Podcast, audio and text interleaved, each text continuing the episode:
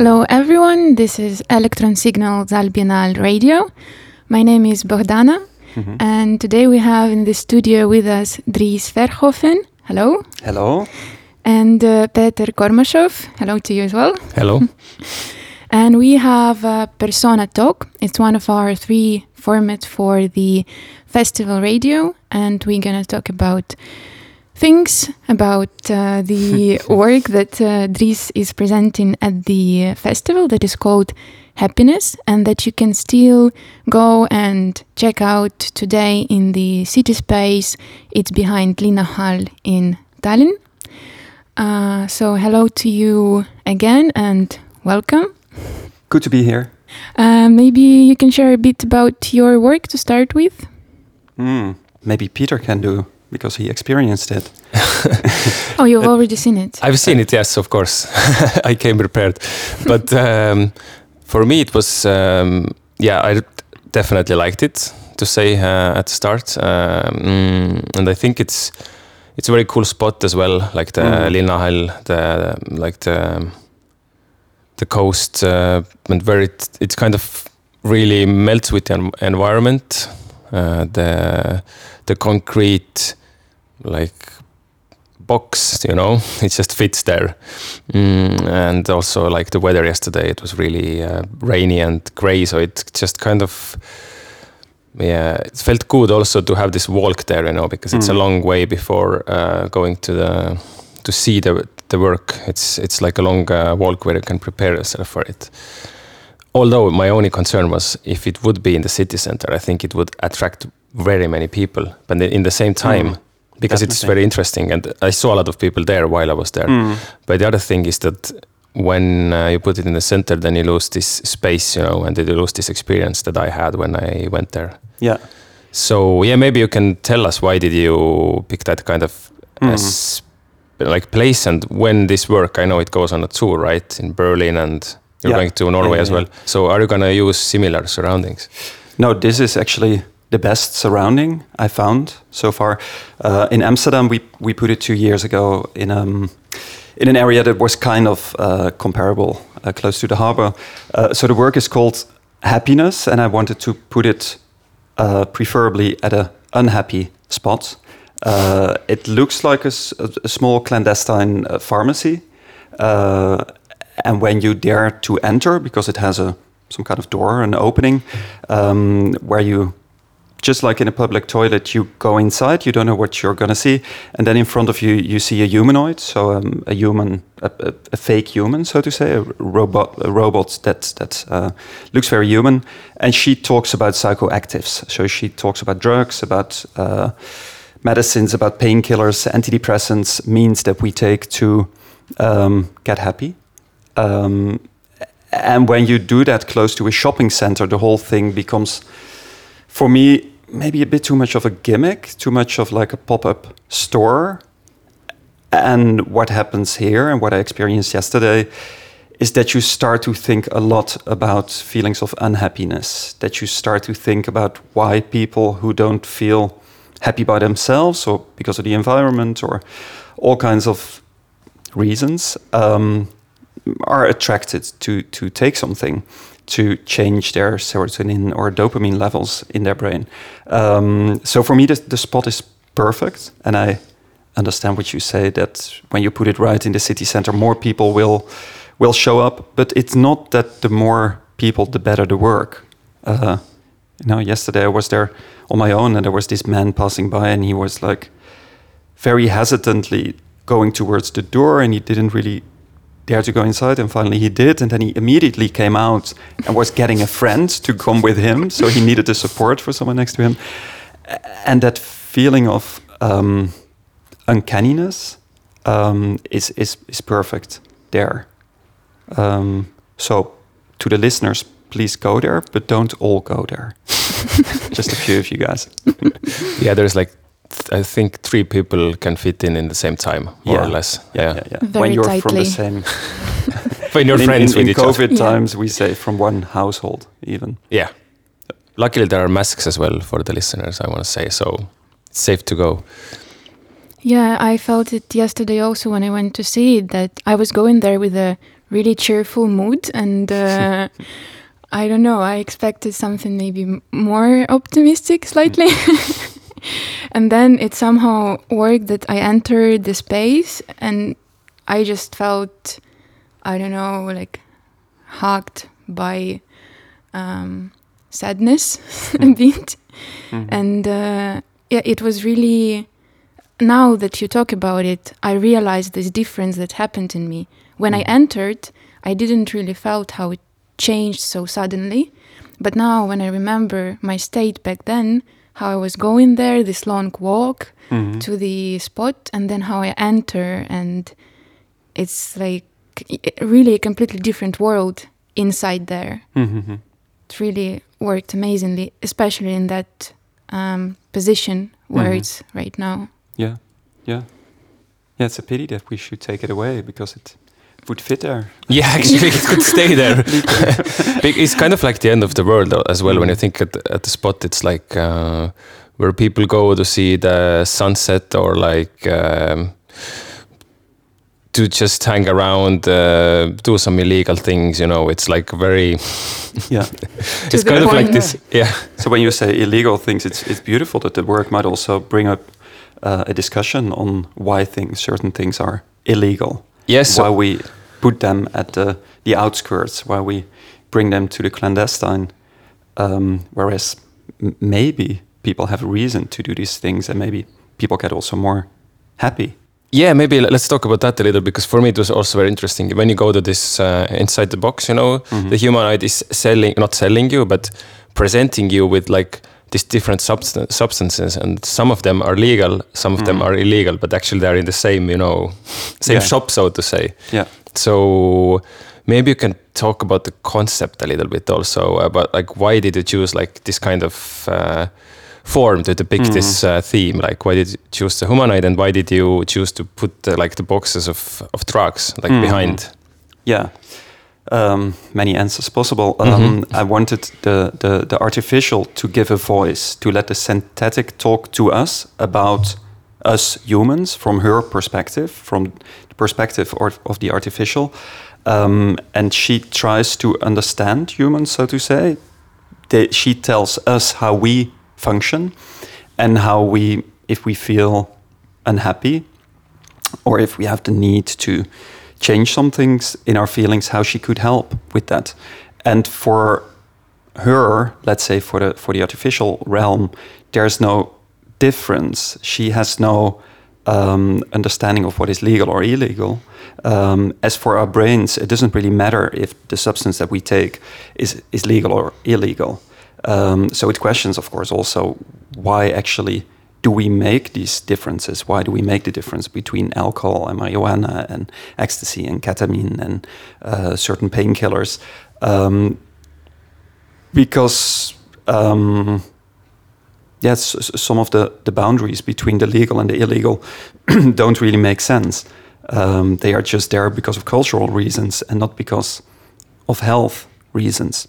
Um, there's qu- quite a few substances that we know now as a recreational drug that started as a medicine and the other way around. Um, yeah, substances that we that we know as recreational drug that now start to become an antidepressant, for example. And I wanted to talk about um, what it means that these substances become more and more mainstream.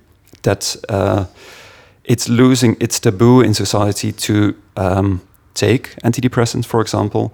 Um, that's in the techno club, it's becoming the norm, I would say, to to take some things. There's quite a quite some some self medication happening on the dance floor, um, and um, I, I I didn't want to talk about legality. I mean, that's a bit like the the elephant in the room. That's what you start to think about because she's with the same enthusiasm talking about uh, alcohol as she is talking about GHB, as she is talking about ecstasy. For her, there's no difference, uh, and that leaves room to us, of course, to to to question those.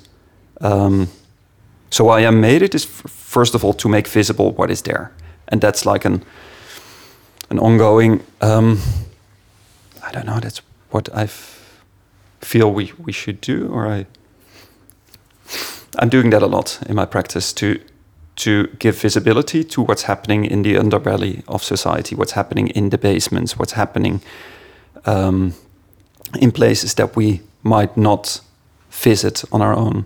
Um, yeah, so in this case, it is about um, the kind of topic we normally just have in the toilet of the techno club or with our family doctor or with our psychotherapist, uh, and to give that visibility. Um, and yeah, I realized that that that um, once you do that, that people also feel invited to talk, and that quite a few people have some experience and have something to share, and and um, yeah, I mean, there's there's not like a moral agenda from my point, but to to just say there is something happening, and we cannot really grasp it, we cannot really see it, but we know it's all there. Um, let's just materialize it. Um, and let's and by materializing it, you realize also that there's quite a few things to be discussed. The the, the difference between the different substances in the way we deal with it, the the way we um, perceive it is is one of the topics. Yeah, very interesting. I, I also I think it's maybe a good way, like you said, to put like a humanoid to to present these things because then it's like more neutral in a way, or like how do we perceive it then when it's not presented by human? You know, all this mm. uh, all these things like this topic, drugs in general, but um, the way uh, it was. Mm, how I felt the, the work was was also like what Bohdana said. Like I was like um, hacked by sadness, you know. And it's uh, interesting the way the way it um, it felt was actually very reassuring like all the things like how she showed them was like yes it's good for you you know you should take it. It was very calming and and then you yeah. think about it and also you, you think about uh, drugs in general and it's like okay it's illegal but like is it good or bad then? But also the same with alcohol you know all the same the same thing with uh, coffee yeah, also yes, what I'm drinking right now. I always think about the film Requiem for a Dream when you have seen it. Oh, seen a, it. a, long time ago. Yeah. But yeah, there is this. Yeah, you know the guy is like uh, Jared Leto is playing the guy who's dependent on like illegal drugs, and then her mother is like taking painkillers. You know, mm -hmm. and it's the, yeah. basically the same thing. You know, it's like they say one pill you get from the pharmacist and the other one from the street corner, but actually it's the same thing. Yeah. So it's like very. It's. I also think like uh, I saw some of your previous works uh, like online that uh, you kind of um, put the viewer in a position where he or she has to. I don't want to say uncomfortable, but has to think. You know, like uh, or is very very much involved in the process of this artwork. Mm -hmm. Yeah, I like that. yeah, and, and I mean, unease is is is uh, is beautiful. I think, and we cannot be nervous enough. I, I think it's beautiful when we collectively dare to be vulnerable, where we dare to doubt collectively, together with the work, where where it's also not me telling audience members how to think or what to do, but that we collectively, the work and the viewer, are in a state of um, doubt um, and unease and, and disruption and try to make sense of that feeling. Um, yeah, that's what art can do, I think. There's already so many things in society that makes us feel that we, I don't know,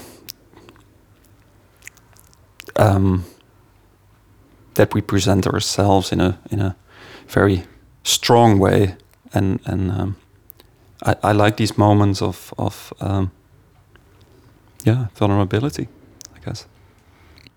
Yeah, another thing that was uh, creating doubt in me is the very question of uh, being human, because when she was talking at some uh, part, I started walking from side to side to see whether she would follow me with her eyes or not, because it felt like she's staring at me all the time. Mm -hmm and uh, I figured out that she doesn't follow me, and I felt.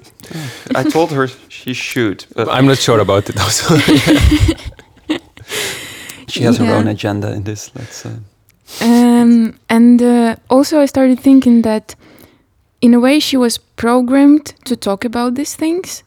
Um, but in the same way, I was programmed in the morning by coffee to like awake and uh, Mhm. act uh, focused. And so when she was talking about uh, that, and I felt uh, caffeine pumping in my brain because I just drank it before Mm. going in, I started questioning uh, how much our programs uh, are actually different in Yeah, a yeah. way. Yeah, that's that's beautiful. Yeah, one of the the people that that inspired me in making the work was Donna Haraway, who made the.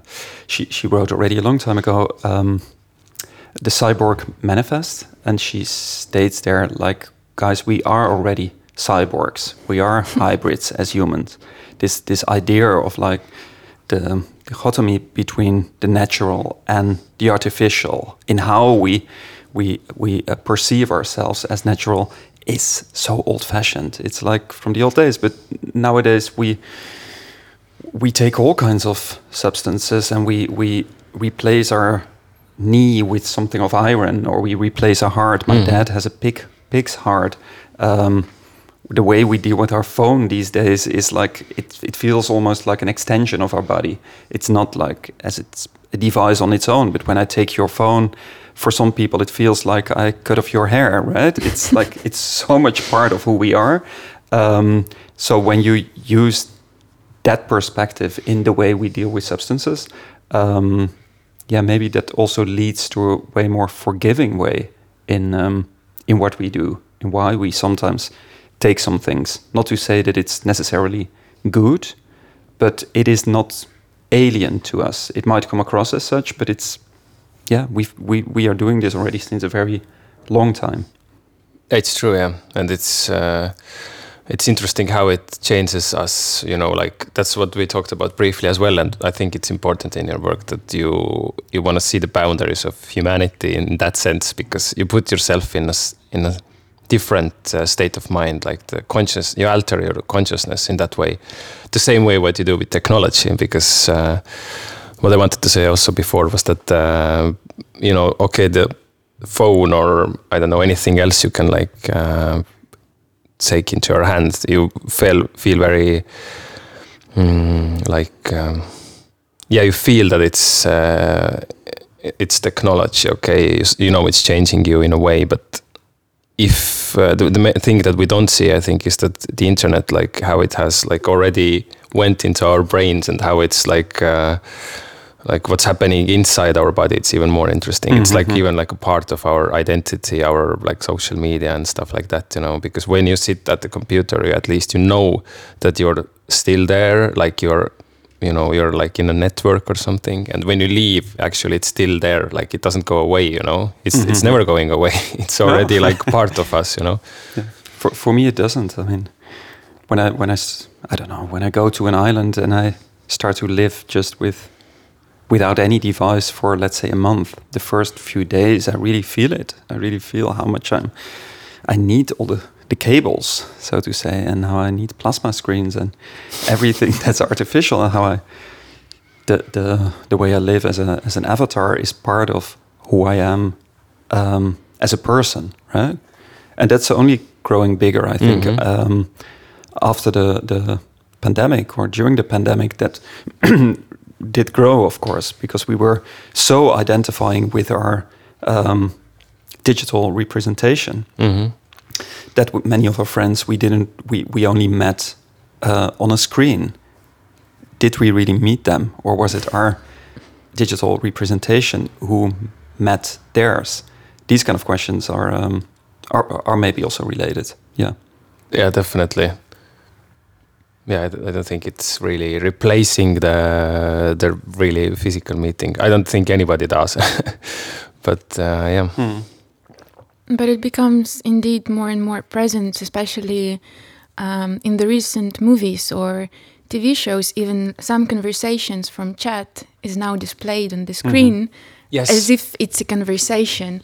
And first, when I noticed it, I was like, "Oh, that's a curious Mhm. move to do." But now, almost in every movie that is going out, you can see this chat windows Yeah. popping up on the screen as if it's really people talking. Like it's I'm- so embedded in us. Yeah. It's it's true. I've noticed it as well, and thought about it a lot. Like, yeah, many movies have it these days. It's like very. It's become a norm, you know, already. Did you ever have the experience that your your the way you deal with with um, devices is influencing you in real life? That you, um, I don't know. I had it, I think, with like hours of Photoshop that I was leaving the screen, and then I wanted to change reality. So I, I saw something and I was like, oh no, no, I need to. Oh no, I cannot change it. Oh fuck! it's I don't know. You ha- you had your mouse in your hand for so long. Mm. Also, a friend of um, the the child of a friend of mine, he saw a real picture, a photo, and he wanted to to swap it like you are doing on your phone because he thought that's the way It uh, goes, yeah. it, it works. It's very um, confusing when you are in these moments. Yeah. yeah, I think it's uh, it's changing, changing, uh, changing us a lot, like silently. But also, like Mm. when we come back to the work, I think it's like um, it's also like uh, stuff that you're um, addicted to, like addicted. Uh, it's a form of addiction, you know, technology, chocolate, drugs. It's actually all the same thing, you know, in your brain. It, it starts the same things. Sure, sure, sure, sure. It's it's it's it's dopamine. Yeah. It's like telling the receptors in our brain to get more, and they they adjust to what they get, right? And it differs, of course, um, by the, the means it's confronted with. It it um, when I give you crystal meth, it's different than chocolate for sure. So don't mix up those two. but uh, the way, for example, social media are uh, constructed are clearly anticipating that mechanism because they they want you to get that. They know that the dopamine is um, increasing the moment that all your you know these these red balls are disappearing when there's a notification and you're like yes I pressed the button. Yes I've got a message from Linda about something. Uh, she liked my picture. Fantastic. That's to the brain to the receptors in our brain it's not that different from um, getting it I don't know from from microdosing ecstasy for example where you also get like this bit of dopamine that's been released. The the question is of course like till what level? Because the the amount of dopamine is um, uh, is limited. So there's always coming a come down. Mhm. um, and that's what down. we yeah and we know that from from uh, substances. But i wonder if you could um, say the same of social media. If there's like this if you if you you know if you've been clicking on all the notifications the whole day what happens the next day? I didn't dive into it but it it could be that the that, that it's also um, that it also leads to a certain kind of exhaustion I think you feel empty because, like you said, when you go to like an island or when you go to um, like to a countryside and you just shut off technology completely, you just feel empty because you don't have this constant Irritation. yes irritation and reassuring uh, beeping uh, voice that says like, oh, you got another like or I don't know somebody.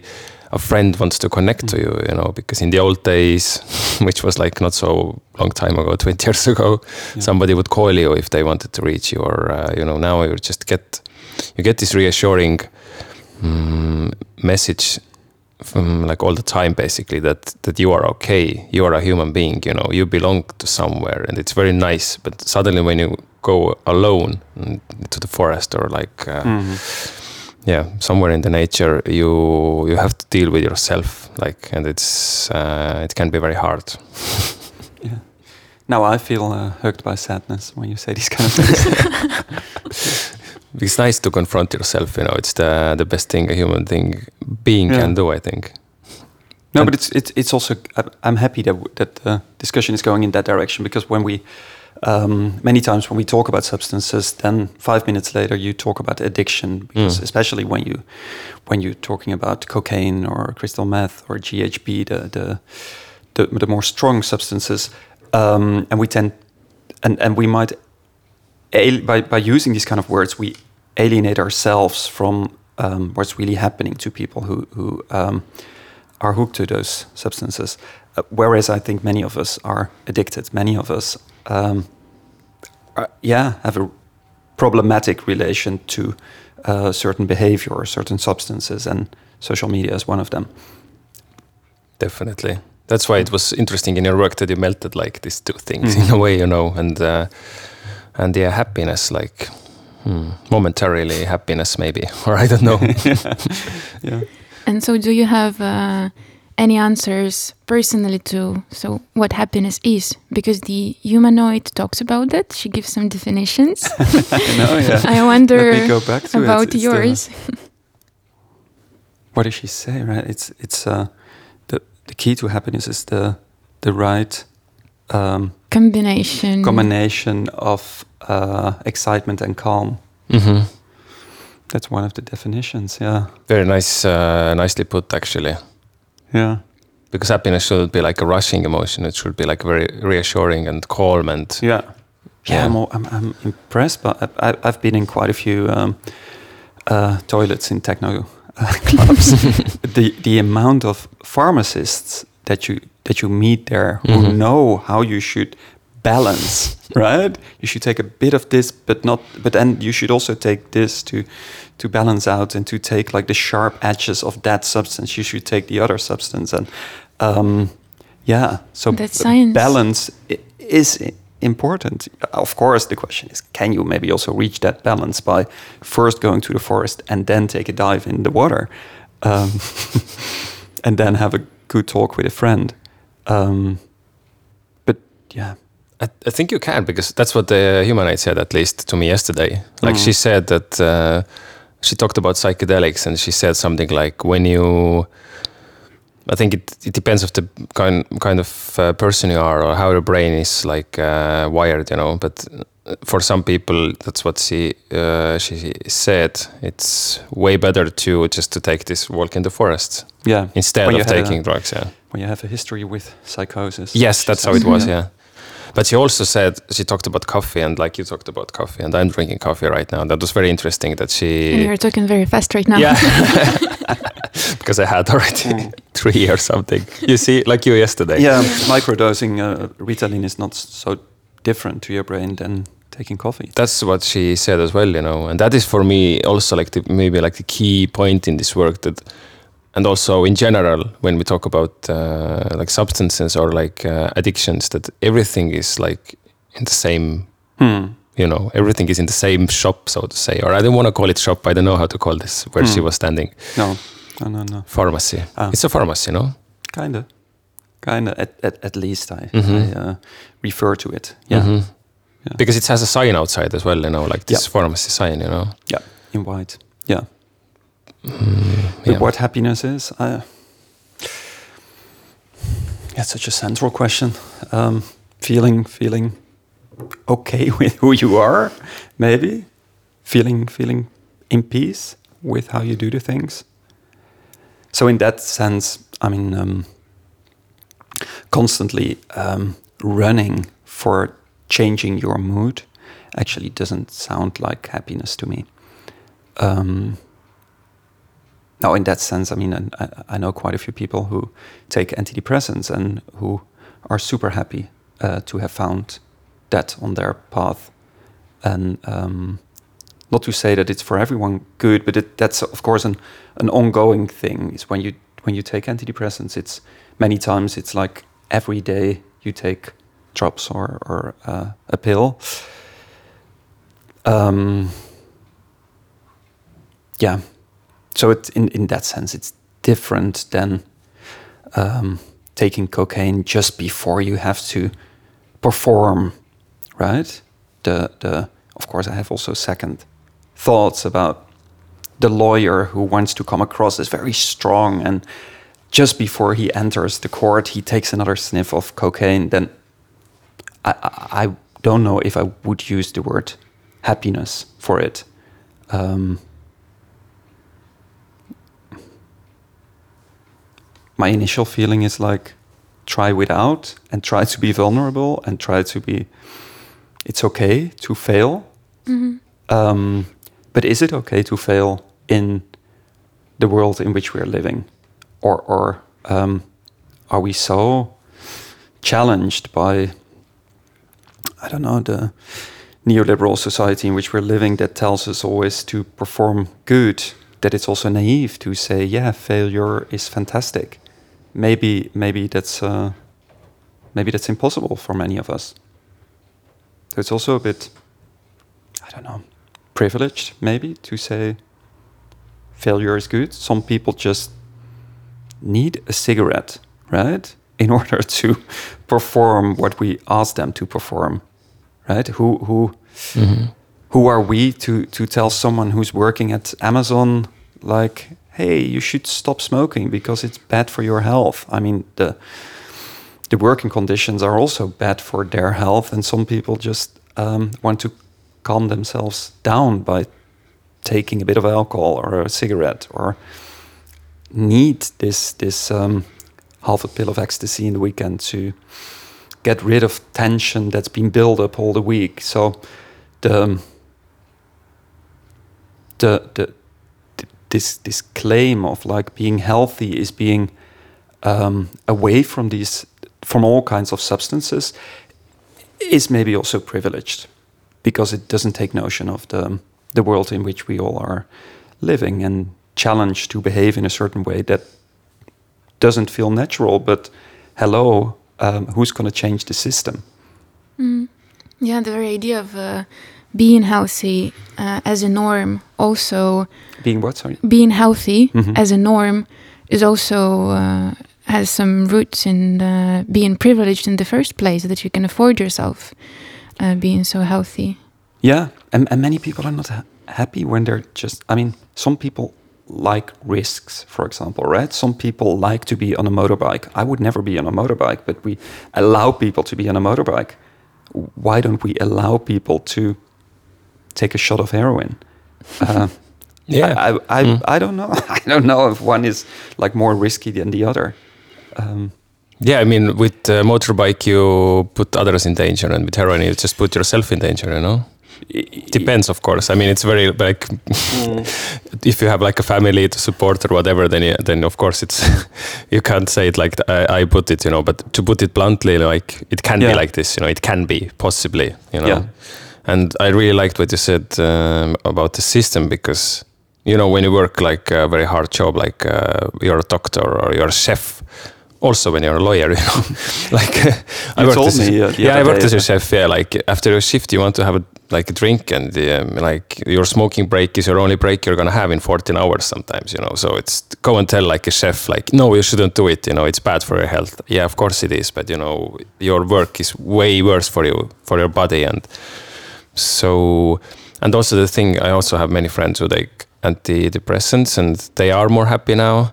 And i think it's yeah, happiness is something really personal. So if you read like a wellness blog and you see somebody doing yoga and it's all very nice and i uh, it's it's good but it's it's very privileged to to have a life where you can have all these things because some people just have to go to work and they have to start at six and they and they finish at mm. six you know maybe it depends of the work you have you know i think when you're a construction worker or I've done this job as well, but also like as a chef, you don't you don't go to go to like a like a spa after, and you don't think about like how to live in harmony with Mm. yourself. You just survive, you know. Yeah, That's yeah. it, you know. Yeah.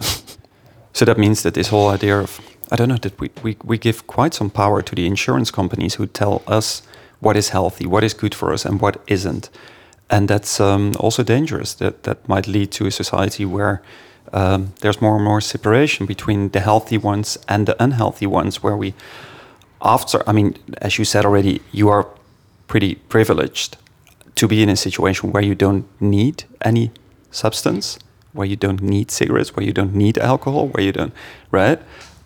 And then after that, we also going to charge people more when they, for example, put themselves in danger, so to say, because they take something, um, simply because um, the the the profit of the of the um, the insurance company is related to that. So um, Yeah. that's also i mean it might be seen as a provocation when i say this but these these yoga uh, these these all these yoga videos we come across mm, maybe it's also very unhealthy to see them because it's it's mm, evaporating an idea of the good life that um, might do harm to people who are not able at all to to you know to travel to Bali and then to have like three weeks in a yoga retreat and have just vegan food. yeah, good for you. Yeah. yeah, Yeah, that's true. Yeah, you just eat. Some people just eat what they what they have, you know, or can have. So it's yeah, it's definitely privileged to have this kind of lifestyle. Yeah, That uh, might be a bit pessimistic note to end the talk. I don't know. No, it's also about forgiveness. I think it's also about. Um, there was this this um, not here, but at, at, another festival, someone coming out who started to talk about uh, his heroin uh, use, and he felt he he said I felt so um, acknowledged in in uh, why I take this substance and what it does to me, and um, thank you for not not judging what I'm doing. And I think by, I don't know, acknowledging the fact that we are not perfect, that we sometimes just take something in order to put a plaster because there is no better solution, um, we might also be forgiving to one, towards the ones who, who put bigger plasters. Yeah, definitely. And I or I think just different ones. Yeah. yeah, and even if it's heroin, I mean, okay, or if it's a motorbike or whatever, or chocolate. but uh, yeah, maybe to sum it up a little bit, I I would say that yeah, this happiness is very personal, you know, personal thing for anybody, and we should not judge anybody for what they choose for that. You know, if it's yoga, then good for you. If it's just um, yeah, drinking like six beers after our shift, then Mhm. it's also fine. And uh, you know, this is the world is anyways way the world is way too complex to have like just one answer to that, as we all know. So. Yeah, Yeah. this is the this is the point of your work in a way as well. I, guess think so. it just it's- raises it's- it sounds almost as if we are glorifying those substances, and I don't No, want I- to go there. I think I don't think it does actually. Uh, well, yeah, like we should definitely be careful because it's uh, it's dangerous. But I just uh, I, thi- I think that yeah, like you said, we should not judge people by by their choices. Yeah. Mhm. Yeah. More Thank positive you. for you now. Yeah, definitely. thank you a lot for the conversation and thank you a lot for coming here, Peeter, and thank you, Dries. Um, we gonna have a chance to see the installation for one more day uh, in Linnahall in Tallinn, and after that, your tour goes to. First, we go to Berlin, Mhm. um, and then we go to Erlangen, which is also in Germany, and then we go to Oslo. Cool. So uh, while you can go also to Germany and Norway. And uh, thank you all the listeners for being here with us. This was Electron Signal SAAL Biennale Radio, and we're gonna hear each other soon. Thank you. Goodbye.